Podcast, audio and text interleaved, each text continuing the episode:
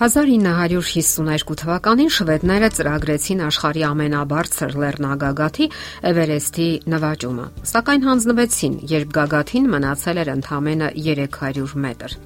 Անհաջողության պատճառների ուսումնասիրությունը ցույց տվեց, որ վերելքի ժամանակ լեռնագնացներն օգտագործել են օրական երկու բաժակից պակաս ջուր։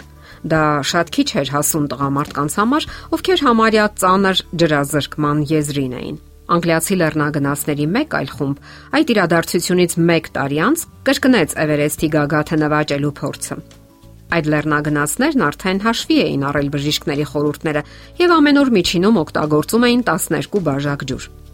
Արդյոք ջուրն օգնեց նրանց։ Միանշանակ այո։ Նրանք պատմության մեջ առաջին անգամ նվաճեցին Էվերեստի գագաթը։ Ինչն էր օգնել նրանց։ Բրիտանական հետազոտության ղեկավար Ջոն Հանգը կարծում էր, որ նրանց հաջողության հիմքում բավարար քանակի ջուր օգտագործելն էր։ Մեզանից շատերը խորապես համոզված են, որ բավարար քանակի ջուր են օգտագործում։ Ահա այն նշանները, որոնք խոսում են ջրի անբավարար օգտագործման մասին։ Տհաճ հոտ բերանից, քրտինքի հոտ, մաշկի գունատություն, մեզի մուգ գույն եւ տհաճ հոտ։ Մարդու օրգանիզմի մոտ 60%-ը կազմում է ջուրը։ Երեխայի օրգանիզմը ավելի շատ ջուր է պարունակում 75%։ Անհավատալի է, սակայն մեր ուղեղի 85%-ը կազմված է ջրից։ Ջուրն անհրաժեշտ է մեր օրգանիզմի կենսականորեն կարևոր որոշ գործառույթներ իրականացնելու համար։ Շնչառություն, մարսողություն, թքարտադրություն եւ արցունքահոսություն, ջերմակարգավորում, հոդերի ամրություն։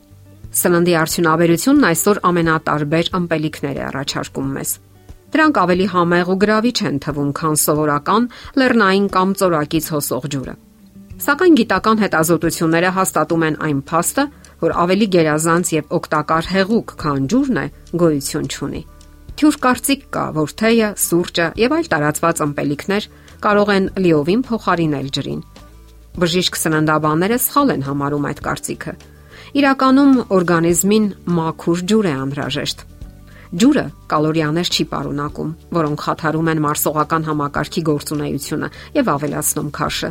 Այն չի պարունակում գրգռիչներ, որոնք կործանարար ազդեցություն ունեն մարսողական համակարգի օրգանների զգայուն լորձաթաղանթի վրա։ Միևնույն ժամանակ այն հասանելի է եւ էժան։ Ջուրը մեզ անհրաժեշտ է ամեն օր քանի որ մեր օրգանիզմը անընդհատ ջուր է կորցնում ֆիզիկական աշխատանքի, քրտնարտադրության, շնչառության եւ մեզի միջոցով։ Եթե չլրացնենք օրգանիզմին անհրաժեշտ ջրի pašարը, կհայտնվենք ջրազրկման վտանգի առաջ։ Այսպիսով, որքան ջուր է անհրաժեշտ խմել ամեն օր։ Ըստ մասնագետների հաշվարկի, հարկավոր է խմել օրական նվազագույնը 8 բաժակ ջուր։ Ընդ որում, նշանակություն ունեն աշխատանքային գործունեության տեսակն ու կլիմայական պայմանները։ Այսպիսի իմաստուն ասացվածք կա. խմիր 5 բաժակ, որpիսի կենթանի մնաս, 8 բաժակ, որpիսի քեզ առույգ զգաս 10 բաժակ, որpիսի երիտասարդանաս։ Ձեր արջև նպատակ դրեք, որ ամեն օր պետք է խմեք 8 եւ ավելի բաժակ ջուր։ Երբ սովորեք բավարար քանակությամբ ջուր օգտագործել, դուք անմիջապես կզգաք տարբերությունը սակավաշարժ անցյալի եւ հիասքանչ ու առույգ ներկայի միջև։ Հաջորդ անգամ, երբ ձեզ հարցնեն, թե ինչ եք ցանկանում խմել, թող ձեր պատասխանը լինի. մեկ բաժակ ջուր խնդրեմ, չէ որ դա ամենահրաշալի ըմպելիքն է ընտրեք ջուրը։ Դա լավագույն ընտրությունն է եւ այն ձեզ առողջություն կապարքեվի։ Եթերում է առողջ ապրելակերպ հաղորդաշարը։ Ձեզ հետ է Գեղեցիկ Մարտիրոսյանը։